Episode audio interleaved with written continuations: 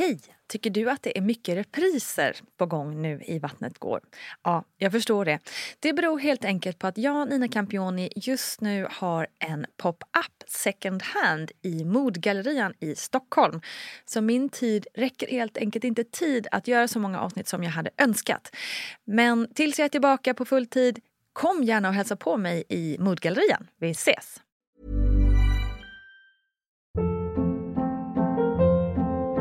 Hold up. What was that? Boring. No flavor. That was as bad as those leftovers you ate all week. Kiki Palmer here, and it's time to say hello to something fresh and guilt-free. Hello Fresh. Jazz up dinner with pecan-crusted chicken or garlic butter shrimp scampi. Now that's music to my mouth. Hello Fresh. Let's get this dinner party started. Discover all the delicious possibilities at hellofresh.com. Quality sleep is essential. That's why the Sleep Number Smart Bed is designed for your ever evolving sleep needs. Need a bed that's firmer or softer on either side? Helps you sleep at a comfortable temperature? Sleep Number Smart Beds let you individualize your comfort so you sleep better together. JD Power ranks Sleep Number number 1 in customer satisfaction with mattresses purchased in-store. And now, save 50% on the Sleep Number limited edition Smart Bed for a limited time. For JD Power 2023 award information, visit jdpower.com/awards. Only at a Sleep Number store or sleepnumber.com. A lot can happen in three years, like a chatbot may be your new best friend. But what won't change? Needing health insurance. United Healthcare Tri Term Medical Plans, underwritten by Golden Rule Insurance Company, offer flexible, budget friendly coverage that lasts nearly three years in some states. Learn more at uh1.com. Hey, it's Ryan Reynolds, and I'm here with Keith, co star of my upcoming film, If, only in theaters, May 17th. Do you want to tell people the big news? All right, I'll do it. Sign up now and you'll get unlimited for $15 a month in six months of Paramount Plus Essential Plan on us. Mintmobile.com slash switch. Upfront payment of $45 equivalent to $15 per month. Unlimited over 40 gigabytes per month. Face lower speeds. Videos at 480p. Active Mint customers by 531.24 get six months of Paramount Plus Essential Plan. Auto renews after six months. Offer ends May 31st, 2024. Separate Paramount Plus registration required. Terms and conditions apply if rated PG. Det fanns ju inte på kartan. Så här, jag föder inte på det sättet. Mina förlossningar funkar. Så att fortfarande då efter två för väldigt olika förlossningar. Ja. Så är man lite dum i huvudet. Så att jag vet hur det här funkar. Så det var ju bara att muta barnen med liksom, ni får Piggelin när vi kommer hem men vi måste gå liksom. Hej, hej, hej, heja, heja, heja, sommaren är över, jaho! Det är dags för en ny säsong här i Vattnet Gårland. Jippi!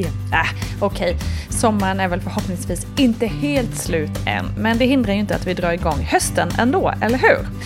Än finns det lång tid att njuta av sol, bad och grill, hoppas jag.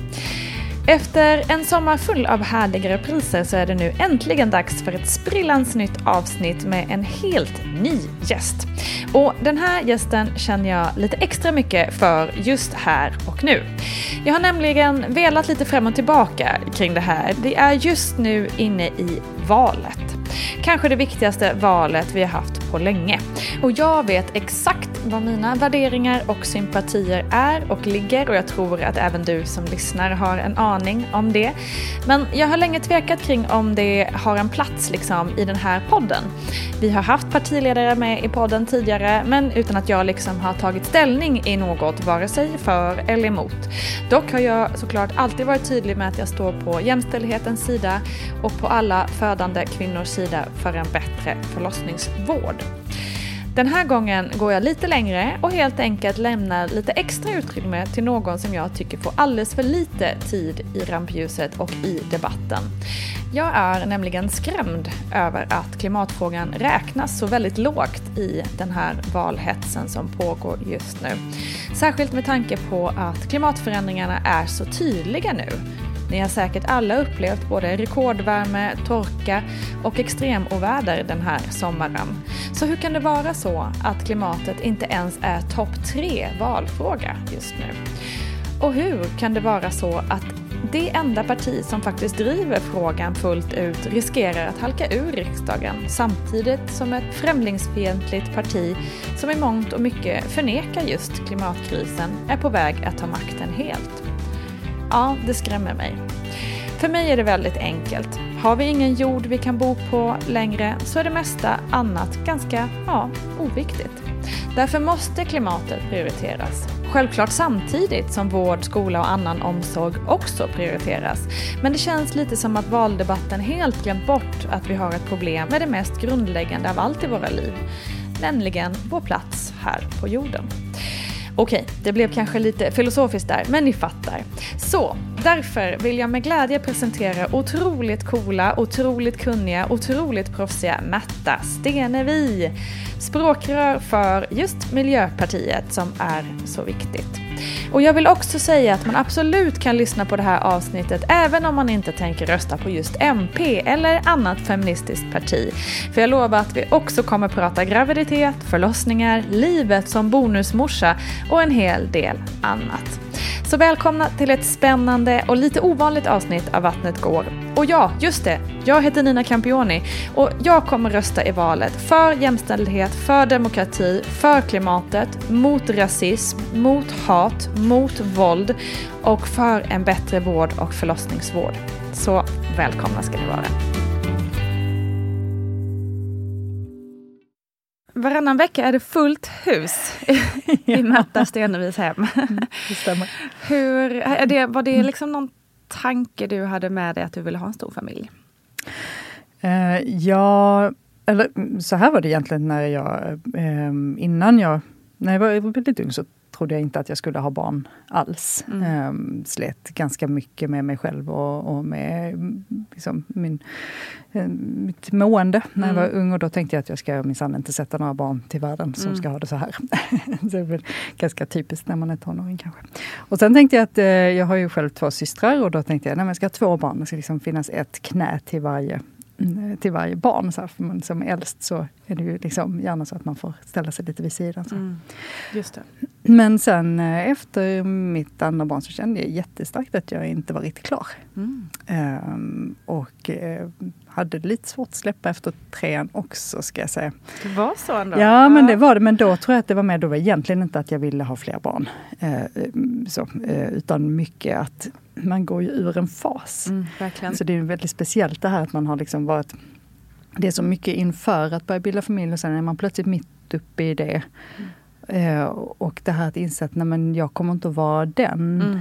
kvinnan längre med barnvagnen eller med magen. Eller med, alltså det är en helt, man går ju in i en helt annan fas när man ska lämna. Det var lite så här Mm. sorgearbete för mig att nu går jag in i en helt annan roll. Liksom. Lite olika livskriser i det hela. Liksom. Dels inför att bli förälder och liksom Ja, det är ju...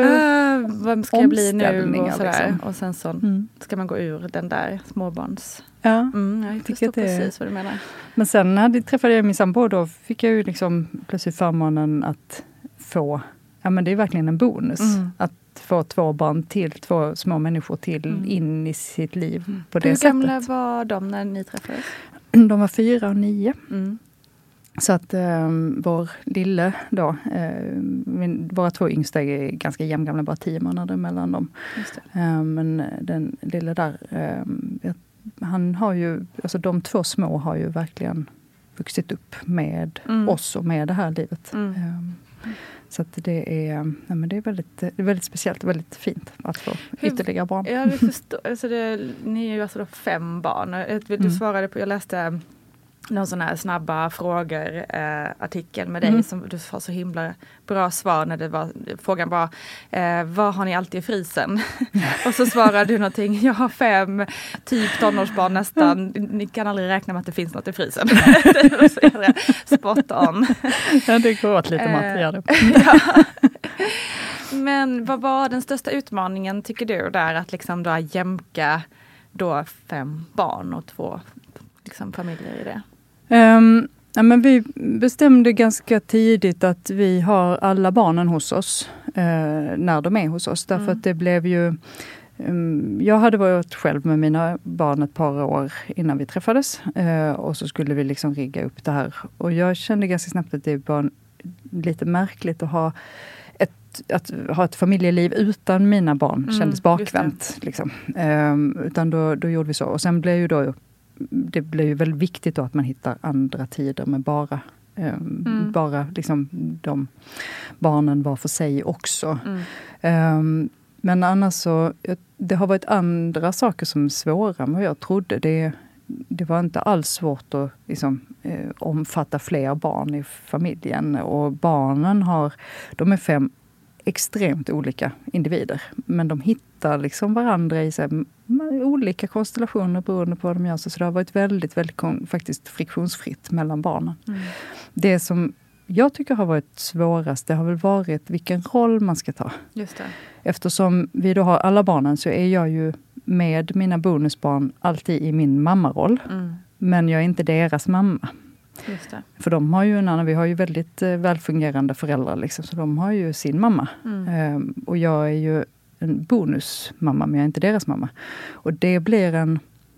Det, den balansen liksom i eh, vilken roll har jag då gentemot dem, den var lite knöligare faktiskt mm, än vad jag trodde. För att jag uppfostrar ju mina barn och där kan inte jag kliva ut. Jag kan inte vara extra förälder till mina barn. Jag är ju deras mamma. Mm. Så där har jag ju den rollen. Och sen har man då egentligen en lite annan roll mot bonusbarnen. Så där behöver man liksom hitta det där. Men det ger sig också lite över tid mm. efterhand som tiden går och vi hittar våra rutiner och sätt och regler och förhållningssätt i som familj. Eh, så hittar vi ju det där. Mm.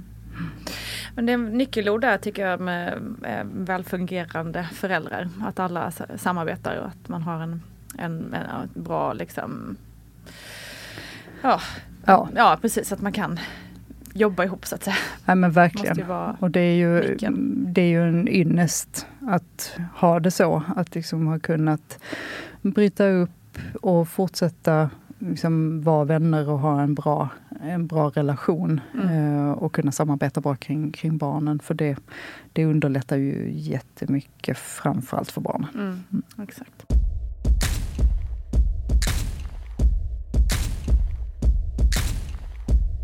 Du, vi kommer i det här avsnittet gå lite in och ut ur dina egna personliga erfarenheter och eh, naturligtvis eh, lite politiska frågor också.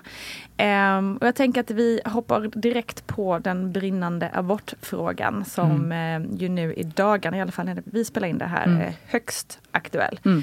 Eller ständigt aktuell naturligtvis, men apropå då Mm. Det amerikanska fruktansvärda beslutet här. Mm. Eh, och igår, eh, då, nu när vi spelar in det här, så igår kom ju KD med att eh, man skulle skriva på något slags kontrakt. Mm. Varvid du svarade väldigt bra på det. Eh, berätta, vad så, hur såg du på det här kontraktet som, som lades fram? Ja, alltså, eh, för mig som miljöpartist så är det här en fullständigt självklar fråga. Och jag vet ju också att för vår riksdagsgrupp är det här en fullständigt självklar fråga. För mm. det är överhuvudtaget inte en diskussion i, i, vårt parti, utan aborträtten är en grundläggande mänsklig rättighet. Mm. Det blir väldigt märkligt att vilja skriva ett kontrakt när vi då snarare skulle behöva stärka skyddet i lagstiftningen. Um, och jag känner mig ju också bekymrad över att det finns ju det finns krafter och personer i eh, en del av partierna som däremot inte tycker att det här är självklart. Mm. Och det som bekymrar mig med det, det är att just nu så är det ingen tvekan om att det är åtta partier som är tydliga med att man eh, vill försvara aborträtten. Mm. Problemet är när det finns så starka krafter i partierna och man inte har gjort upp med det, det. att då blir det väldigt beroende på opinionen. Och det här för mig är inte en fråga om vad en majoritet tycker just nu. Utan det här är en fråga om att det här är en grundläggande mänsklig rättighet. Mm. Så att skulle vi få opinionsmätningar där 60 procent av svenska folket eh, vill luckra upp aborträtten så kommer det inte att rucka med en millimeter. Därför att det här är en, en rättighet som måste skyddas till varje pris. Mm. Och med det i åtanke och med tanke på hur mycket som har förändrats i politiken, hur många löften som har brutits, hur många Ständigt. 180 graders svängar som har gjorts, så ser jag att nu är det nog dags att börja ta den diskussionen om att mm. grundlagsskydda de här rättigheterna. Och kan man göra det? Hur funkar det liksom för att grundlagsskydda aborträtten? Vad krävs för det? Ja, alltså för att ändra i grundlagen så krävs ju då två beslut med ett val emellan. Eh, men sen är vår grundlag är lite annorlunda uppbyggd än vad till exempel den amerikanska konstitutionen är. Eh, så att det skulle krävas en, en ganska djupgående utredning för att se hur skulle man konstruera sådana skydd. Eh, för vi har, ett, vi har en annan konstruktion. Mm. Eh, så det är inte helt givet idag hur man skulle formulera det skyddet. Eh, däremot så har Centerpartiet nu lämnat in en, en begäran till grundlagsutredningen om att de ska be regeringen om ett uppdrag att börja Mm. väva in det här. Och det står vi väl till 100% bakom. Därför att det behöver göras för att man också ska få det bra. Vi måste alltid vara noga med lagstiftning så att man inte får oönskade effekter i andra ändar. Mm. Men jag tror att det börjar bli viktigt att titta på. För när vi ser ut i Europa, det här är någonting som har bekymrat oss länge. Mm. Eh, Vi ser så många bakslag i grundläggande mänskliga rättigheter och det gäller både aborträtten och kvinnliga rätt, kvinnors rättigheter men det gäller också hbtqi-rättigheter, det gäller antirasismen. Mm. Och de här krafterna hänger väldigt, väldigt mycket ihop. Väldigt starkt ihop. Och de älskar att sätta grupper emot varandra Mm. men är liksom samma strömningar i, i grund och botten. Mm.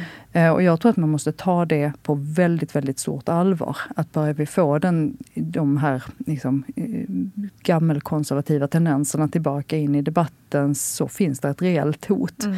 Det har gått så fort i så många länder. Det är också, det där tycker jag är så skrämmande att, ehm, för det har vi ju sett rätt många år nu, Mm. att, att vi liksom, det här kanske vi borde ha Mm. tagit mer på allvar för tio år sedan. Ehm, och satt det här i, men det är Mm.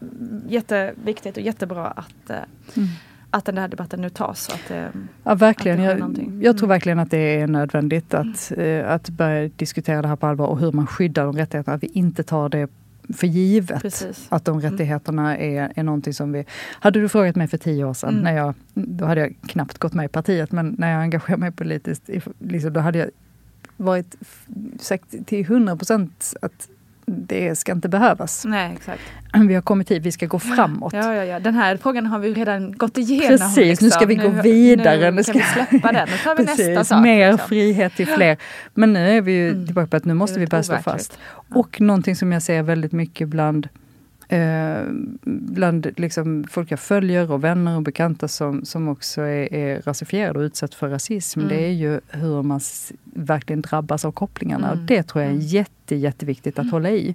Att det här hänger ihop med ifrågasättandet av ifall man får lov att bestämma själv. Yes. Eh, Så att när, när vi ser mm, liksom konservativa partier driva att man inte ska få lov att bära slöja. Mm. Ja men det där är två sidor av samma mynt. Mm. Att inte tillerkänna kvinnor egenmakten att få bestämma själva. Mm. Och då gäller det ju liksom, oavsett vem det är som försöker förtrycka. Man ska ha rätt att inte bära slöja, men man måste också ha rätt att, att göra Mm, det. mm. Om vi menar allvar med att kvinnor faktiskt har den egenmakten. Just det. Oh, fy fan. Ja. Tunga frågor och um, usch, jag låg faktiskt igår kväll och hade svårt att somna för att jag bara Mm. kände det var att man vill fysiskt göra någonting. Man vill, man vill, typ, man vill bara kunna det är precis som att man någonstans tror att bara jag får liksom Mm. prata med någon där i Mm, USA så mm, kommer de mm, ändra sig. Ja. Man vill, bara, man vill göra någonting, man blir tokig liksom. Jag såg ett inlägg på väg in här nu med en lång lista på företag som nu erbjuder sina anställda eh, resor Mm, eh, okej. till eh, delstater då, Ja. där de kan få den vården Mm, de behöver mm, eh, om de till exempel behöver eh, en abort. Men det är ju, och det är ett fint initiativ men det är ju fullständigt befängt att man ska Mm. hamna där. Mm. Att för att få en abort så måste man ha rätt arbetsgivare. Nej, det är helt sjukt. Fruktansvärt och så himla tydligt på hur landet är verkligen klivet i mitten. Liksom. Mm. Att, och, åk till den sidan så går det. Och, alltså det är verkligen, det känns som en tv-serie. Mm, faktiskt.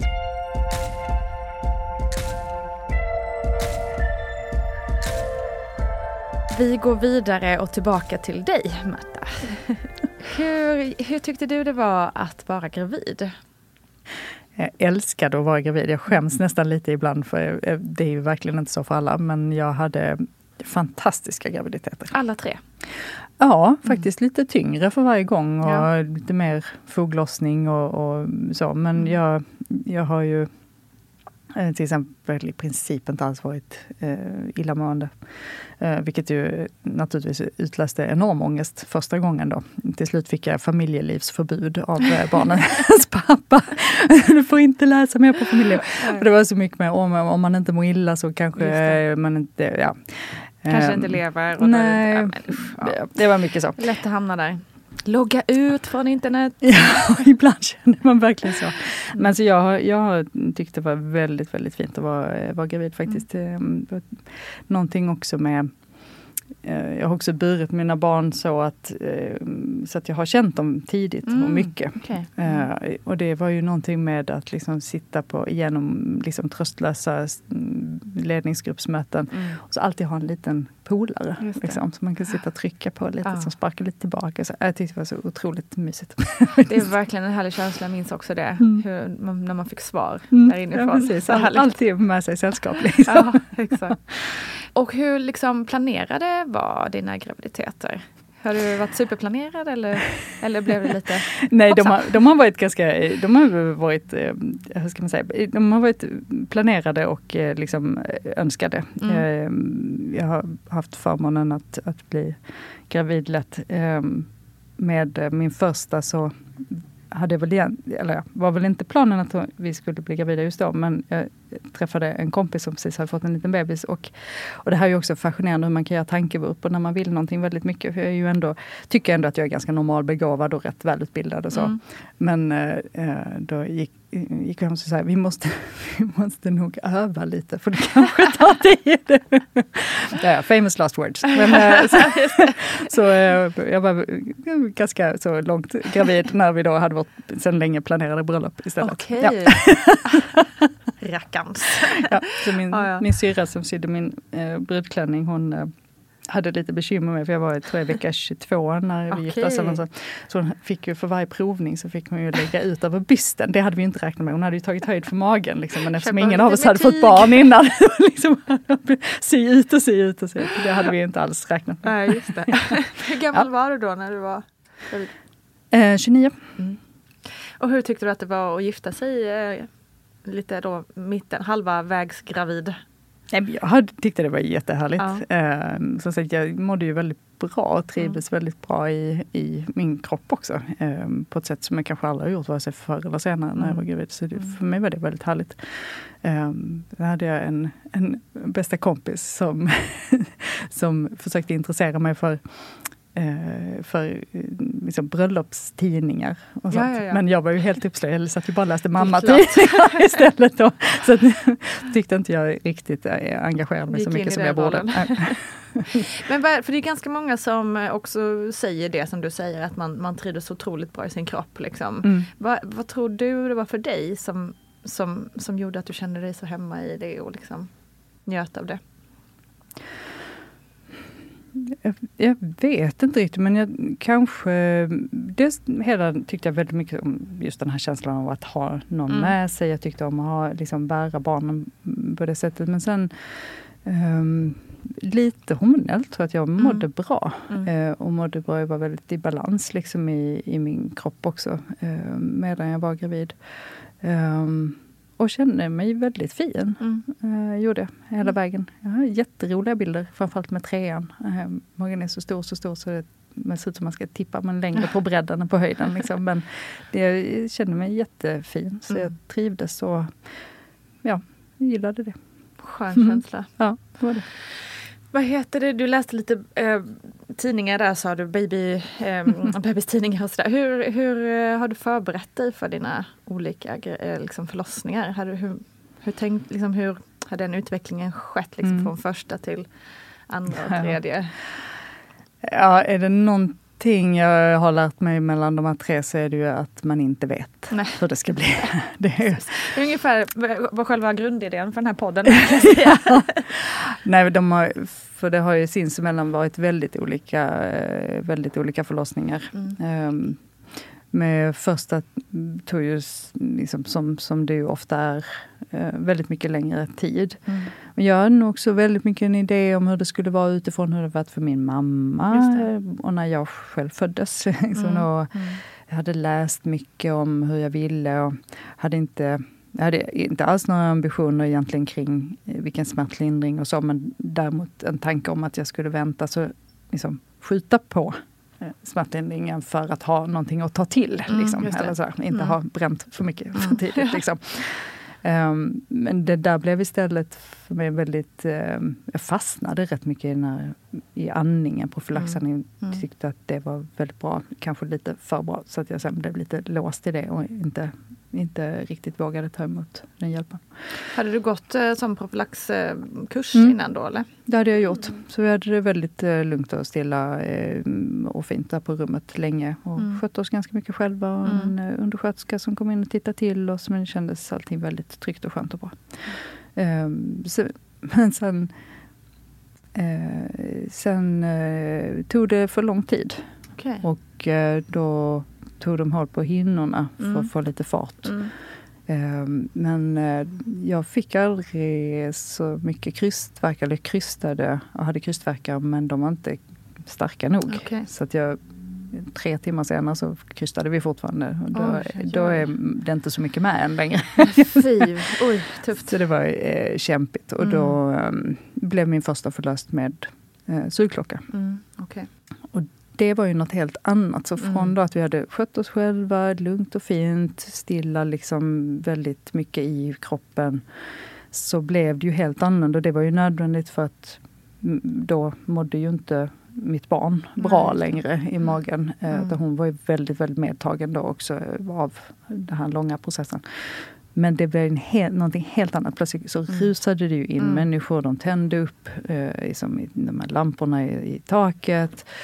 Fällde, det, någon låg på min mage och tryckte. Det skulle klippas, det skulle dras, det skulle sätta... Det, var, och det är ju också en helt annan typ av smärta. Mm. Man blir så rädd. Mm. Jag var ju rädd för vad som hände med barnet. Jag var rädd för att det Exakt. gjorde ont precis överallt. Och alla dessa människor, allt detta ljus. Så det var... mm, Ja, men jag kämpade med det. flyktssituation då. Ja, ja, jag hade en, en förlossningsläkare som kom in och skulle lägga klippet och sätta klockan. Ehm, och som liksom skällde på mig, du måste komma ner med rumpan, du måste komma ner med rumpan. För jag backade ju Ja, bara liksom bakåt i, jag ville, Vill för att, i panik. liksom. Liksom. Mm. Men det var ju, alltså så här, i, i efterhand så var det ju inga jättestora konstigheter med det och det var nödvändigt. Mm. Men jag slet ganska mycket med den där upplevelsen efteråt. Um, också utifrån jag hade varit så mycket med urkrafter Mm. och kroppen Mm. är fantastisk. Och man här, "Ha, men nu har jag misslyckats på något sätt här. Och var jag inte tillräckligt duktig på att krysta då? Och Mm. Jag borde ha gjort så här. Jag borde inte ha skrivit detta i min förlossningsplan. Jag borde inte, det var så mycket borden. Så Mm. det var, jag kämpade rätt mycket med, med det känslomässigt efteråt. Och, Mm. liksom, och skäms lite över det också så här i efterhand. För att det var ju verkligen ja, eh, inte så många som har så oerhört mycket mer dramatiska upplevelser. Men det var någonting i det här med förväntningarna Mm. på en och liksom vad man själv lägger på sig för Mm. förväntningar. Liksom. Men det där är så otroligt vanligt och just att man lägger skulden på sig själv Mm. när det är så himla tydligt att det fanns liksom ingenting man hade kunnat Nej. göra där och då. Liksom. Eh, men fick du någon hjälp med det, det mentala efteråt? Liksom, om du pratade med någon eller liksom, gå igenom Mm. ordentligt hur, vad det var som hände? Så att man liksom, Jag hade en bra barnmorska som gick igenom eh, förlossningsjournalen mm, eh, efteråt. Men det blev på ett sätt nästan värre för mig därför att det var först då, eh, på efterkontrollen när vi gick igenom journalen, som jag insåg hur dåligt mitt barn hade mått eh, där i slutet. Mm. Det hade jag liksom inte uppfattat då i allting. Så det gav liksom på, på många sätt mer ångest över det här. Mm, det. Men en, s- en stor förändring kom faktiskt efter att jag hade fött mitt andra barn. Mm. För det var så annorlunda. Ehm, det var, dels hade jag en jätterolig barnmorska som lurade på mig lustgasen. För att jag hade ju aldrig använt den under Mm, första förlossningen mm. för att jag var så låst fast då. Liksom. mm. Och, så att när vi kom in den gången så var hon så, så var hon så här, "Åh, vad hade du sist? Nej, men jag, jag hade, han liksom aldrig, kom aldrig dit riktigt. Bara tittar hon på mig och säger hon så här, ja ja, lille vän. Eh, Nej, för jag mår jätteilla av lustgas, sa jag. Ja, men du hade ju inte använt. Nej, men jag mår svinilla av lustgas. Jag kan inte ha, jag mår illa, det går inte. Hon bara, okej, men vet du vad? Nu gör vi så här. Vi gör en deal. När, det börjar, när jag tycker det är dags så testar du tre verkar med lustgasen. Och sen om du inte vill mer, om du mår illa, så kommer pappan här, han kommer liksom att vara din förkämpe i detta. Då säger han till, så blir det inte mer. Då kommer vi att låta dig slippa. Det är liksom inte så. Så bra. Och jag bara, ja okej, okay, okej, okay, ja men då bara jag verkligen lovar att jag slipper sen. Så, så ska jag testa. Ja, du kan ju tänka dig. du satt där och var krampaktigt höll den där. Det var ingen som kom mellan mig och den slangen. Ser framför mig hur du bara morrar om någon närmar sig. Hundra procent. Liksom, till slut efteråt när de sydde så var de så här, kan någon ta bort det? För att hon har fått lite mycket. De lallade, det var liksom mycket listig barnmorska. Ja, men Ja men gud jag kände också den, mm. eh, jag höll den som en livboj ja. verkligen. Eller hur? Ja. Är verkligen den känslan. Mm. Så tar någon ifrån mig den här slängen mm. så kommer jag dö. Så jag vet allt. ja men då förstår jag att du fick in knick, knycken på den. Liksom. Ja och då kom min tvåa kom väldigt snabbt. Okay. Så att istället för tre timmar så kom hon ju liksom på tre krystverkar. Oj men så gud. Vattnet gick plötsligt eh, oväntat med, liksom, eh, mitt inom verk och så bara pang liksom. Och ja. sen var hon ute på tre, på tre verkar ett slurp liksom. Och så plötsligt kom den här eh, lilla ungen upp med. Det gav ju liksom en det, jo, det, har, liksom en, det har faktiskt tvättat mina minnen ganska mm. mycket av den första förlossningen. Mm. För att det blev ju också så tydligt att det här är inte upp till mig. Exakt, det var alltså, inte du som nej. gjorde fel. Eller nej, vad det är varken mm. gjort fel eller rätt. Utan det, liksom, det, blev, det blev på olika sätt för att uh. kroppen vill olika saker. Mm. och är olika. Det, liksom, det var ju, ett barn hade ju banat väg. Det var ju Precis. på ett helt annat sätt. Liksom. Så att det, efter det så var jag betydligt mer förlåtande mm. i mina minnen. Och just att jag mindes faktiskt det var intressant för att minnena förändrades. Mm. Liksom, minns det på ett annat sätt idag mm. än vad jag gjorde direkt mm. efter det första. Jag har faktiskt varit med om exakt samma. Att första var mm. jättetuff och jag mm. mådde dåligt efteråt mm. mentalt. Och liksom, men andra var också precis så. Det var någon slags revansch och det var någon slags Jaha, eh, det var så här det kunde vara också. Precis. Och, det var liksom, och jag visste ju det, jag hade ju haft den här podden, mm. jag visste att alla var olika, att det inte någon var någons fel. Eller liksom, att, eh, men det gjorde jättemycket mm. rent så här, mm. inombords för hur man såg på det. Just det som du säger med revansch, det mm. kändes väldigt mycket så. Mm. Och trots att man vet rationellt att man inte kan styra, att det är olika, så, så finns det ändå någon slags mm. förväntan mm. som man ska göra upp med. Precis, och det är också mm. svårt att, liksom, som, som, du också är inne på, att liksom, ja, men, hyfs, hyfsat smarta människor och, och har läst någon artikel då och då och vet att det kan se ut så här och mm. vi kvinnor tar lätt på oss mm. eh, de här olika rollerna mm. och, och tar in dåligt samvete och ångest och skyller på att klanka ner på oss själva. Vi vet det, jag ska inte göra det, tänker man. Nej, nej, Precis. nej. Tar, och sen så hamnar man där ändå. Ja, det är märkligt. Ja. Det är märkligt.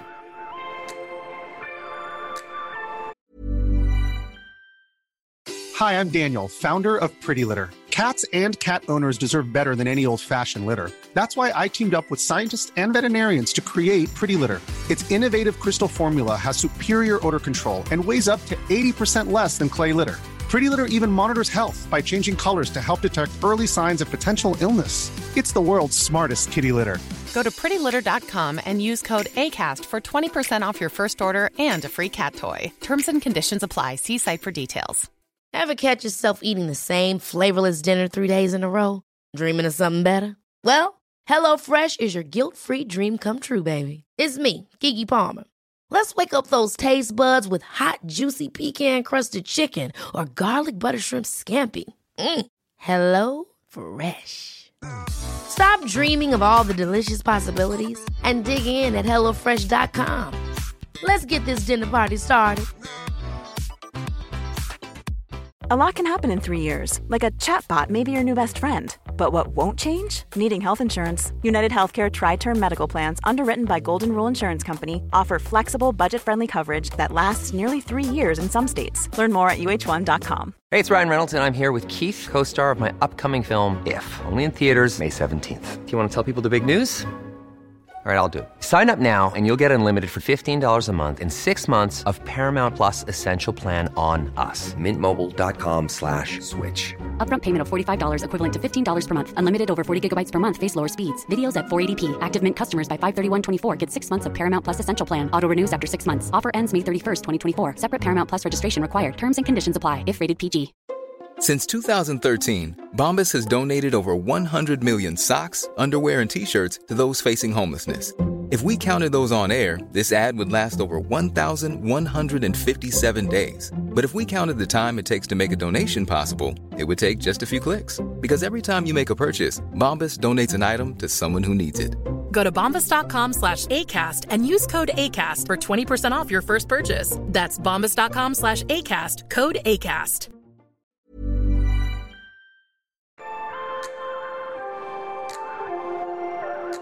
Lite komisk eh, dimension av det där sen med trean. Och att de andra tre hade, eller de andra två hade börjat med liksom, att förverka som blev kraftigare och kraftigare. Mm. Så började liksom verkarbetet ganska liksom, lugnt och stilla. Mm, så att, eh, och med trean hade jag i och för sig förverka hela graviditeten. Just det, det är också Eh, vanligare. Ja, och Mm. vet du, man kände redan så här typ i vecka sju, åtta att liksom en liten boll, Ja. alltså för livmodern var så vältränad vid det laget så Mm. att man liksom kunde verkligen känna förverkarna redan eh, så tidigt. Liksom. Men då, hade jag haft, men då hade jag, märkte jag inte heller att något, alls att något var, var på gång. Så att jag var med mina, med mina stora barn då, eh, liksom, typ ett och ett halvt dygn innan beräknat eh, ute på kallbadhuset i Malmö. Mm. Så vi skulle titta på fåglar och jag hade lovat våfflor. Jag tror att eh, förskolan var stängd. Och, Mm. och liksom så, så vi stod i våffelkön när då plötsligt vattnet gick. Och då är det ju med de andra, hade ju, med första hade de ju fått liksom, ta hål på hinnorna Ja. och med andra så hade ju vattnet gått då precis innan hon kom ut. Mm. Och så, så jag, det fanns ju inte på Nej, kartan. Så här, jag föder inte på det sättet. Mina förlossningar funkar. Så att fortfarande då efter två för, väldigt olika förlossningar Ja. så är man lite dum i huvudet för att jag vet hur det här funkar. så jag stod ju där ute på, i kön och så liksom, jag hör det här poppet och så tänker jag, "Nej, men det är jättekonstigt att jag läcker nu. Jag, som, jag har ju gympat liksom fram till 30, vecka 36 utan några större problem. Hur, varför kissar jag på mig? Och så bara, nej det här är inte som jag kissar på mig. Det här är ju mitt vatten som Ja. går. Alltså det var ju, jag var ju skövlat. Så det var ju bara att muta barnen med liksom, ni får Piggelin när vi kommer hem men vi måste gå liksom. Och så åka tillbaka då. Men, Wow. ja, så men, det blev, var det inte, men det blev aldrig någon sån här stor liksom, filmscen där alla bara Åh! blev inblandade? Nej, för jag kände ingenting då utan det var bara att vattnet gick. Ja. Jag tänkte shit, nu måste jag ta mig tillbaka. ja. Ehm, så att liksom, tillbaka då ut över bryggan, ringa då pappan och, och min mamma som skulle ha barnen. Eh, och framförallt deras pappa var ju så här, vad gör du på Kallis? jag bara, men jag har inte känt det. Ja. Så nej, så Förstod det barnen inte- någonting? Att det var liksom code red? jag, ja, men jag, men jag sa nog att jag tror att lilla syster är på gång liksom, Mm. och eh, nu behöver vi ta oss hem. Mm. Eh, så. Men sen fick första verken kom inte förrän vi hade precis när vi kom hem. Så att det var liksom ändå ganska lugnt. Så. Mm. Um, sen blev den förlossningen också annorlunda. Superintensivt värkarbete. Alltså, så idiotintensivt. Jag gick in på toaletten och tog mig inte ut därifrån igen på Mhm. tre kvart. För att jag fick liksom ingen värkpaus Okej. alls. Alltså det blev väldigt olika. Ja. Så de är verkligen olika. Det är ju Mm, så coolt. Intressant. Man blir lika förvånad varje gång på något konstigt sätt. Ja. Trots att man vet det. Ja, det är spännande. Men hur, och hur så verkarbete, men gjorde det också att det, hela processen gick ganska fort då? Om det var intensivt liksom? Eh, ja, men de två sista var nog egentligen ungefär lika Mm. långa men började lite olika. Då. Det blev helt enkelt lite mer eh, ös med sista. Mm. Då. Mm. Ehm, men det, tog, det gick ganska fort med båda, med båda de två. Ehm, men då hade jag nog, med andra hade jag nog i och för sig, det hade nog hållit på längre. Ehm, men det var hon, jag vaknade på natten med henne så jag hade nog gjort en Mm, del verkarbete i sömnen Mm, helt mm. enkelt innan, innan jag vaknade av det. Mm. Smidigt att göra det när man sover. Ja, in- inte alls dumt faktiskt, på tal om smärtlindring.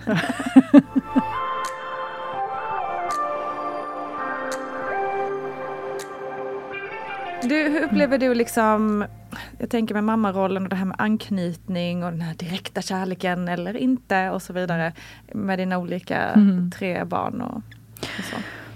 Mm, det har också eh, varit intressant. Jag tycker att det har varit spännande att se. Dels har jag upplevt att den här första, mm, när de är små, det är en otrolig be- beskyddarinstinkt. Mm. Så det är ju någonting i att det triggar alla de här liksom, väldigt, väldigt primala och väldigt starka känslorna kring beskydd. Mm. Sen har jag tyckt med mina barn att det har hänt någonting när de är 7, 8, 9 månader. Där det kommer en annan växel i anknytningen. Mm. Någonting med att de blir mindre skyddsobjekt och mer individer. Mm. Alltså där har, jag tycker att där har hänt någonting. Mm. Men kan också vara, kan också, jag vet inte om det liksom bara har hängt ihop med dem eller om det också har hängt ihop med mig. För att lika mycket som jag har älskat att vara gravid, eh, lika lite har jag liksom trivts som spädismamma. Jag har tyckt att det varit rätt svårt. Mm. Eh, den hemmavaron ehm, och den, den tillvaron tyckte jag var eh, ganska, ganska, men ganska knepig. Mm. Och det har inte varit så mycket, inte handlat så mycket om anknytning till barnet utan mer om mig. Just det, och situationen och gå eh, hemma rollen. och Mm. ha det. Jag tyckte att det har varit svårt. Mm. Och mina amningar har varit svåra att komma igång Mm. med. Och så har det varit mycket strul med det i början och sen har det löst sig. Men att gå hemma ehm, jag blir lite sirap Gärna när Mm. jag är he- hemma. Jag får tappa styrfart. Mm. Liksom. Så jag har ju behövt verkligen strukturera upp för att överhuvudtaget... Det här som andra gör, så här, ja, sen tar jag en morgonpromenad. Det. Det. Så det har liksom inte funnits. Utan antingen så har jag bestämt med någon och då måste jag ta mig iväg någonstans. Mm. Eller så har jag oftast knappt kommit ut genom dörren. Mm. Mm, tyckte det var ganska svårt. Det kan jag verkligen förstå. Alltså, det är nog många som känner igen sig i det. Att man blir eh, lite... Ja, alltså man har inte den där purposen att ta sig iväg liksom. Och då eh, blir det lätt Nej. att man sitter i, i lite halvsmutsiga kläder och glömmer borsta tänderna eller vad det nu kan ja, vara. Liksom. det är ju någonting med hur man är funtad. Och för mig blir liksom... Det har ju varit jättemysigt att sitta bredvid en sovande bebis eller en lite större bebis som ligger liksom och jollrar. Mm. Men jag, så att säga, jag tappar en, det blir så, till slut är energinivån så låg så Mm. jag liksom tappar styrfart Mm. helt. Så det har, varit, det har ju blivit lite lättare med varje barn eftersom de andra barnen har varit Just där. det. Så de pockar ju på och håller en Mm. ju liksom alert på ett annat Mm. sätt. Men Mm. de här förmiddagarna på, liksom, eh, jag tyckte att det var ganska svårt Mm. faktiskt. Så det har varit, det har varit mycket, mycket knepigare än graviditeten. Ja, men om man ser på, liksom, för nu är ju dina barn ganska stora. Mm. Vad, vad tycker du är det roligaste med föräldrarollen idag? Ja, men det är egentligen, det har jag känt hela tiden att det är att följa att de växer och utvecklas. Mm. Jag tycker att det är det coolaste. Så jag känner väldigt lite nostalgi efter liksom deras tidigare åldrar. Jag är otroligt glad att ha fått vara med om dem. Mm. Men känner inte alls sådär att jag längtar tillbaka till bebistiden eller till småbarnstiden. Utan just den här, ut att se dem liksom ta sig an Mm.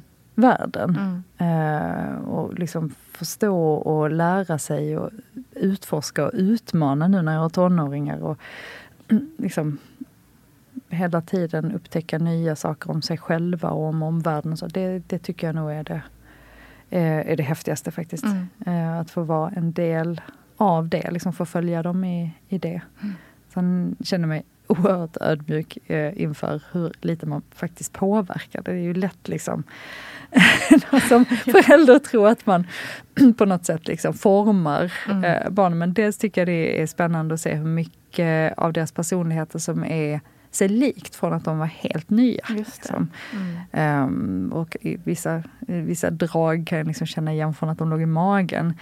Ehm, och samtidigt ser man ju hur de hur det är oerhört många olika faktorer som påverkar Mm. dem runt omkring och att man liksom bara kan guida dem igenom det här Mm. på något sätt, men inte, inte styra dem. Just det. Så det tycker jag är, är häftigt faktiskt. Blir man bättre politiker om man är förälder? Ehm, nej, det vet jag inte om man blir per automatik. Ehm, men däremot är ju alla livserfarenheter har man ju glädje av. Mm. Man lär sig ju på, på det som händer i livet. Liksom. Mm. Ehm, jag tycker att för mig, jag liksom, lever ju ett väldigt, väldigt privilegierat liv. Eh, liksom, på, på så många sätt. Jag tycker att det har varit ehm, en av sakerna som fick mig att engagera mig politiskt var ju just föräldraskapet utifrån vissa situationer som när jag var in och ut på sjukhus med, med ett av mina barn som hade ganska knepig astma Mhm, när hon var liten. okej. Ehm, hur mycket det krävdes av mig att få rätt hjälp Just till det. henne. Mm. Ehm, för att det var väldigt, hon var svårdiagnostiserad. Det Mm. var liksom, och de ville hela tiden skicka hem henne. Och efter ett antal varv så visste jag ju mm, Liksom, ja, man kan kalla det instinkt men det var väl helt enkelt liksom mönsterigenkänning att nej det här är inte över, vi är inte ur det här Mm. eh, än. Eh, och så fick man hålla på och tjata, men ni kan inte skicka hem henne än, ge oss en timme till, ni kommer behöva ta en ny syremättnad, hon kommer att bli blå igen. Alltså, Mm. hela, men det blev också en väldigt stark eh, insikt att om jag tycker att det är svårt med liksom Mm. det sociala kapital Mm. jag har, det språk jag har, den utbildningen, den liksom totala bristen på respekt för auktoriteter Mm. som jag har med mig hemifrån. Eh, Om jag tycker att det är tufft då, Mm. för att man är så liten, Mm. när ens barn inte mår bra så är man liten som, liksom, och rädd. Hur är det då att försöka göra detta och inte ha språket? Och inte ha den auktoriteten. Om man bemöts liksom med fördomar och man Mm. bemöts med förminskanden redan innan. Mm. Och där, den orättvisan har varit väldigt mycket en drivkraft eh, i mitt politiska engagemang. Mm. Eh, att det är inte, vi börjar liksom inte på samma, eh, på samma ställe, vi har inte samma spelplan och den måste jämnas ut Mm. för att ge varje unge bästa förutsättningarna. Mm. Liksom. Så, det har varit, så på det sättet så har ju föräldraskapet vad ska man säga, gett en annan dimension. ehm, tycker jag. jag kan inte liksom, jag kan ju aldrig veta hur det är i den situationen, men jag kan ju såklart känna och dra paralleller från när jag själv har känt mig utsatt Mm. eller liksom rädd och, och ängslig. Då är det ganska lätt att föreställa sig ändå att det måste vara svårare. Mm, verkligen. Och det är någonting som eh, vi diskuterar i, inte alldeles för lite såklart, Mm. men i förlossningsvården också. Att Mm. den är inte särskilt rättvis eh, beroende på var man bor i landet Nej. eller vem man är och så Mm. vidare. Hur ser du eh, att vi kan förändra det? Att det ska bli mer rättvis vård? Ja, alltså egentligen så skulle jag säga att vi vet rätt väl vad som behöver göras. Eh, vi behöver många fler kollegor in i förlossningsvården. Barnmorskorna och undersköterskorna i förlossningsvården måste få fler, eh, fler, fler kollegor. Eh, för att komma dit så behöver vi arbeta med arbetsmiljö och arbetsvillkor. Eh, men sen också för att få jämlikheten över landet så tror jag att vi måste börja se över hur vi finansierar vården. Mm. För det som vi, när vi pratar om välfärden, ehm, så pratar vi gärna om det som liksom det här, vår nationella, vår svenska välfärd. Men vi finansierar den lokalt och regionalt. Mycket av det som vi tycker är kärnan i välfärden, skola, vård, finansieras lokalt och regionalt. Och det skapar enorm ojämlikhet Mm. och väldigt olika förutsättningar. Och det tror jag att vi måste börja se att vill vi ha en jämlik vård, då måste vi också jämlikt och rättvist finansiera den.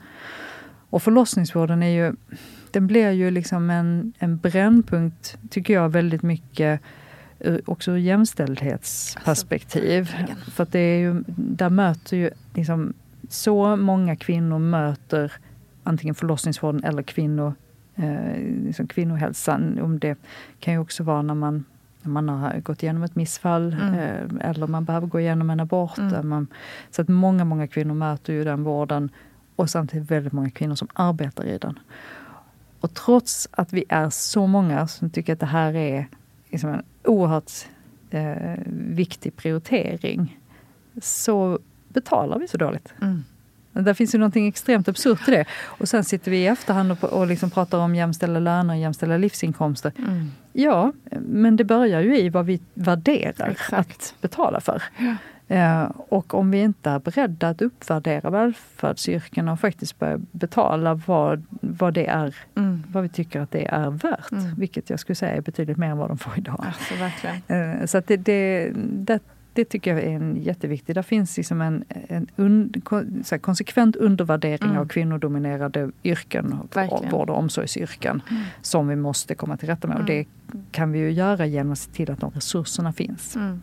Och vad ligger vi där nu då? För jag menar, det var ju förra hösten som vi eh, hade de här stora strejkerna inom barnmorskeyrket och Mm. vi, vi strejkade tillsammans med dem Mm, och mm. eh, det var ett stort uppror Mm. helt enkelt i Sverige. Mm.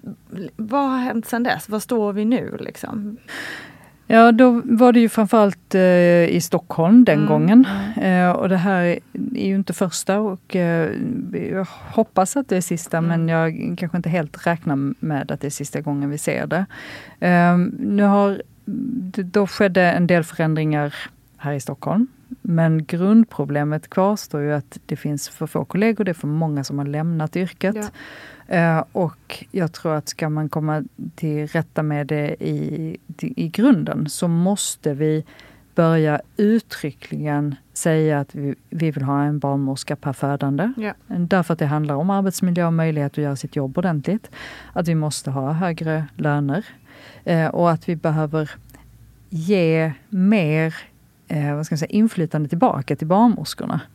Eh, därför att det är ju få saker som är så frustrerande med att jobbar man inte får göra sitt jobb på det sätt man vet är bäst. Mm. Och när jag har varit runt och, och träffat barnmorskor i olika delar av landet så är det jättemycket det som kommer tillbaka. Att ja, lönen och värderingen av yrket är viktig. Jag skulle säga att det är kanske framförallt just att känna sig värderad. Mm. Eh, att, att någon liksom tydligt visar att det här är viktigt. Mm. Men också då att få lov att göra jobbet på det sätt man vet är bäst när man är eh, experten. Mm. Eh, istället för att det då ska liksom finnas någon som har räknat på vad man tycker liksom är rimligast. Men, och de här sakerna tror jag behöver till för att man ska kunna börja locka tillbaka barnmorskor mm. till yrket. Och mm. det är enda sättet att se till att man blir tillräckligt många. Mm. Och vad gör du och Miljöpartiet för att vi ska nå dit? Vi går till val på en, en väldigt i pengar väldigt stor reform eh, och vill skjuta till 40 miljarder till, permanent till eh, regionerna, till vården.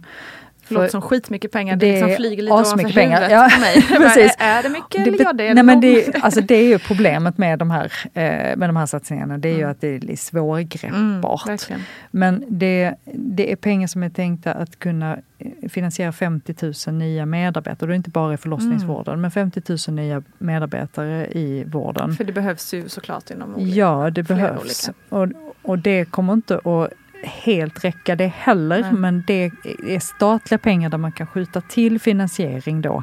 Eh, så att inte regionen, för regionen kommer inte orka med mm. hela det här, eh, det som krävs nu. Och det, så det, det kommer vi gå till val på, men också att staten ska fortsätta ta ett större finansiellt ansvar.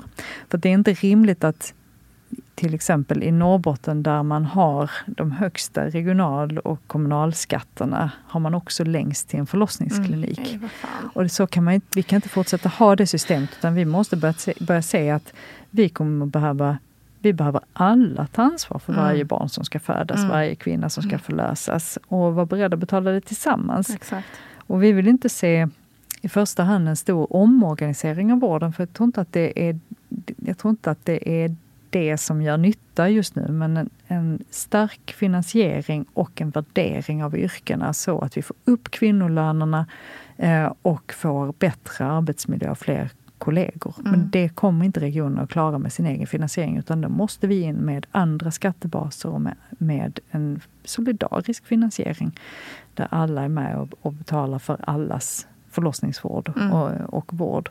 Jag tror bara det är så vi kan komma vi kan komma ur den här liksom moment 22 som vi sitter i just nu. Just det.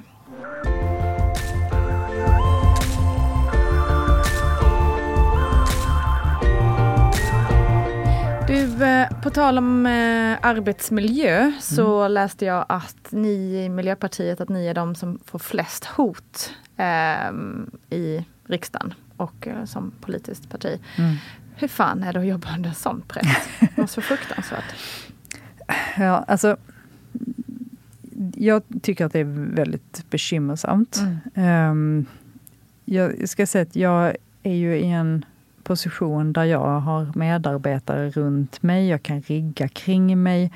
Eh, jag kan få hjälp att rensa, jag kan eh, liksom ge brev som ser lite suspekta ut till någon mm, annan. Så, mm. så att jag kan ju styra upp det. det själv, liksom. Nej, så jag kan ju mm. ändå skydda mig rätt mm. väl tycker jag. Uh, sorry alla trollen där ute, jag läser inte allt ni skriver. uh, men... Så där kan ni sitta om nätterna. Precis, så, ni har för mycket tid vill ja. jag också passa på att säga. Men, eh, men det som, nej, man ska bli lite allvarlig, däremot det som riktas mot våra fritidspolitiker. Mm. Alltså det är lätt att tro att politiker är någon typ av liksom yrkeskår, men så är det inte. Vi är ett fåtal i Sverige som faktiskt arbetar med politik på heltid. Mm. allra, allra flesta politiker i Sverige har engagerat sig utifrån att de brinner för Mm. frågor Mm. som de vill göra samhället bättre i.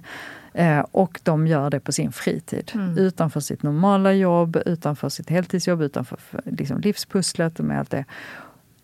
De politikerna som sitter ute i landet och de miljöpartisterna, de är oerhört utsatta. Mm. Eh, och de har inte det liksom, systemet kring sig. Eh, utan de drabbas väldigt, väldigt hårt. Och det bekymrar mig därför att här har vi, jag menar, vi vet att eh, liksom, trollarméerna gillar att skrika om yttrandefrihet. Men det här är inte att få mothugg. Det här är att på riktigt börja ifrågasätta om vi verkligen har yttrandefrihet därför att de, eller yttrandefriheten har vi ju, men det tystar. Mm. Och det kommer att tysta det demokratiska samtalet om vi får så hård press på fritidspolitiker att de inte Mm. längre vill engagera sig eller börja självcensurera sig. Eller börja backa ut ur vissa debatter. För då blir det bara den som kan vara mest hotfull, den som kan vara mest våldsam eh, i sitt språk, eh, den som kan vara mest eh, liksom hatisk, Mm. Den kommer få styra debatten. Eh, och svaret på det kan ju aldrig vara eh, att, göra, att liksom stegra det. Utan vi måste ju på olika sätt deeskalera det. Mm. Eh, och jag tycker inte att högerpartierna tar sitt ansvar Ja. i detta. För att det, jag kan säga att det, eh, jag vet att det finns oerhört hög press på många av Sverigedemokraternas politiker. Och jag tycker att det är precis lika fel. Mm. Eh, vi måste ha ett, eh, en möjlighet till ett politiskt samtal där man inte blir hotad och hatad på. Verkligen.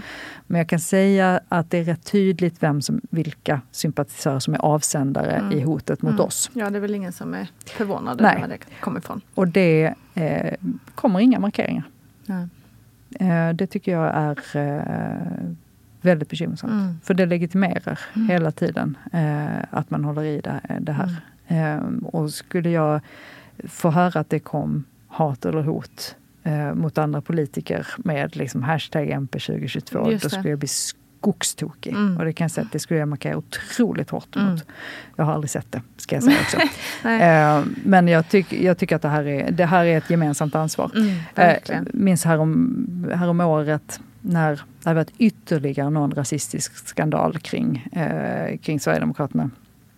Ytterligare någon medarbetare som fick eh, lämna eh, sitt jobb för att man hade funnits i vit maktmiljöer Mm. och, och liksom delat eh, rasistisk dynga och så vidare. Mm.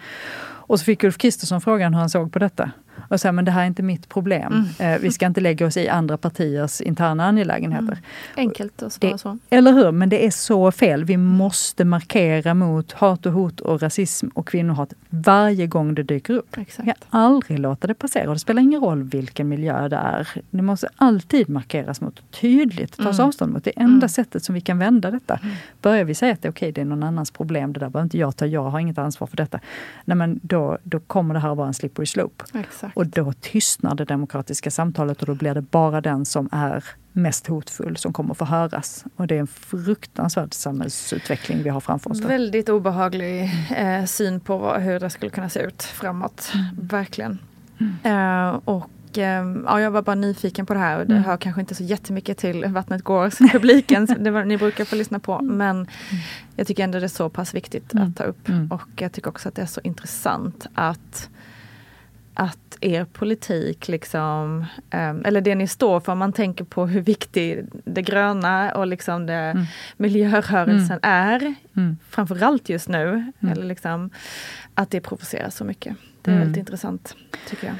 Ja, och Och det syns läskigt. ju också överallt. Den går ju väldigt, det trycket går ju också väldigt parallellt med trycket mot rättighetsfrågorna. Det hänger ju väldigt mycket Mm. ihop. Det är väl Mm. ingen tillfällighet att de gröna partierna i Europa har vuxit fram ur liksom miljö och rättighetsrörelser. Eh, och det finns ett väldigt starkt motstånd. Och när det gäller klimat och miljöfrågor så tror jag att vi också kanske ibland gravt underskattar hur stora ekonomiska intressen det finns. Ja. Om man nu tittar, nu har det ju blixtbelysts den här våren Mm. i och med att det plötsligt har synliggjorts hur beroende Sverige och Europa är av Ryssland. Och av andra skurkstater att Mm. hålla oss väl med. Så när vi säger nej till Ryssland så måste vi istället gå till stater som Qatar och säga att eh, så vi vill inte spela fotbolls-VM här men Mm. eh, skulle vi snälla kunna få skicka svin mycket pengar för vi måste köpa mer olja av er Mm. istället. Mm. Alltså här finns det beroendet Mm. skapar såklart också stora eh, ett stort tryck och då finns det väldigt mycket incitament att hålla det här eh, liksom, hatet igång. Ja. Också från externa aktörer. Usch, det är så ledsamt att det finns så mycket hat i vår värld just nu. Jag känner inte riktigt igen eh, mm, liksom, Nej. min egen värld på något vis. Det Nej. känns som att det har gått så väldigt snabbt de senaste åren. Till att komma till det här otroliga hatet direkt. Alltså Mm. det finns ingen ens en startsträcka längre. Liksom, Nej. Det. Det, nej, det känns inte som att man har passerat gå riktigt. Det gick, det gick väldigt, väldigt fort. Men jag tycker det är viktigt ändå att understryka att det finns ju möjligheter att vända utvecklingen. Hur gör vi det? Ja, men genom att verkligen kroka arm i, i de delar av samhället som vill någonting annat. Mm. Som ser liksom behovet och vi, värdet i inkludering, Mm. i jämställdhet, eh, i en trygg värld, en värld som håller även, även framåt. Att vi börjar göra gemensam sak på allvar, inte låter eh, liksom, motkraften slå in, slå in de här kilarna eh, utan tvärtom stärker upp oss och säger ifrån varje gång. Mm, just det. Stå Inte upp, säga oss ifrån, tystas. Men inte hata tillbaka. Nej, utan- aldrig hata mm. tillbaka. Jag får ibland frågan, ja, men ska man inte kunna prata med alla? Ja, Men säg, prata gör jag. Um, träffar jag Jimmie Åkesson i en tv-studio och vi ska debattera, så det är klart att jag frågar hur han mår och hur Mm. det är med hans barn. Mm. Alltså, det är en, det är en människa Mm, eh, och vi mm. ska alltid vara mänskliga mot människor. Men aldrig backa i politiken. Nej. Har aldrig börjat acceptera politik som försöker skapa ett samhälle som med, liksom med olika regler beroende på vad man har för hudfärg, för etnicitet, eller för språk, eller för religion, eller för den delen för kön. Mm. Utan liksom hålla undan, eh, hålla undan mot alla de strömningarna. Inte backa för dem i tron att man ska kunna hitta någon slags balans liksom, eller röda linjer samtidigt som man legitimerar eh, liksom, rasistisk politik. Jag, jag tror inte på Jag tror vi måste markera Mm. jättetydligt och Mm. vara urtydliga med vad det är som står på spel. Mm. Tack.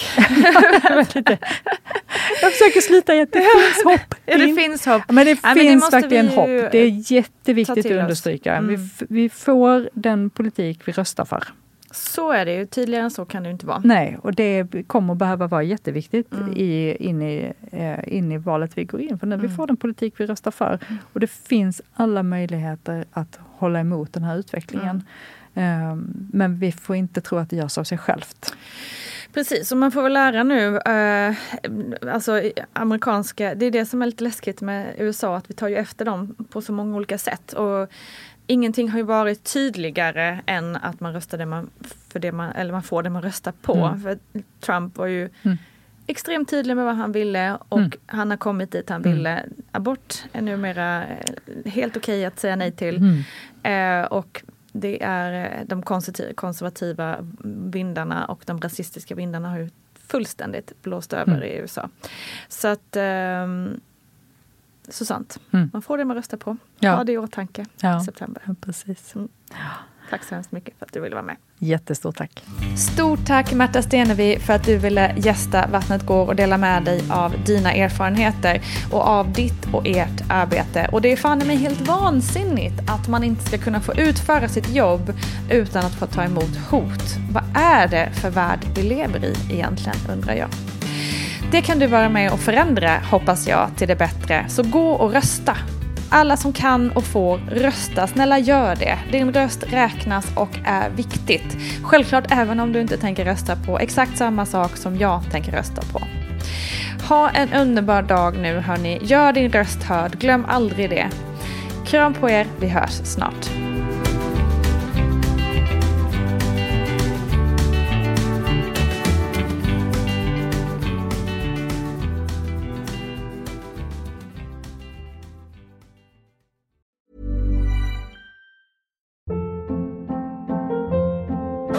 Hold up. What was that? Boring. No flavor. That was as bad as those leftovers you ate all week. Kiki Palmer here, and it's time to say hello to something fresh and guilt-free. Hello Fresh. Jazz up dinner with pecan-crusted chicken or garlic butter shrimp scampi. Now that's music to my mouth. Hello Fresh. Let's get this dinner party started. Discover all the delicious possibilities at hellofresh.com.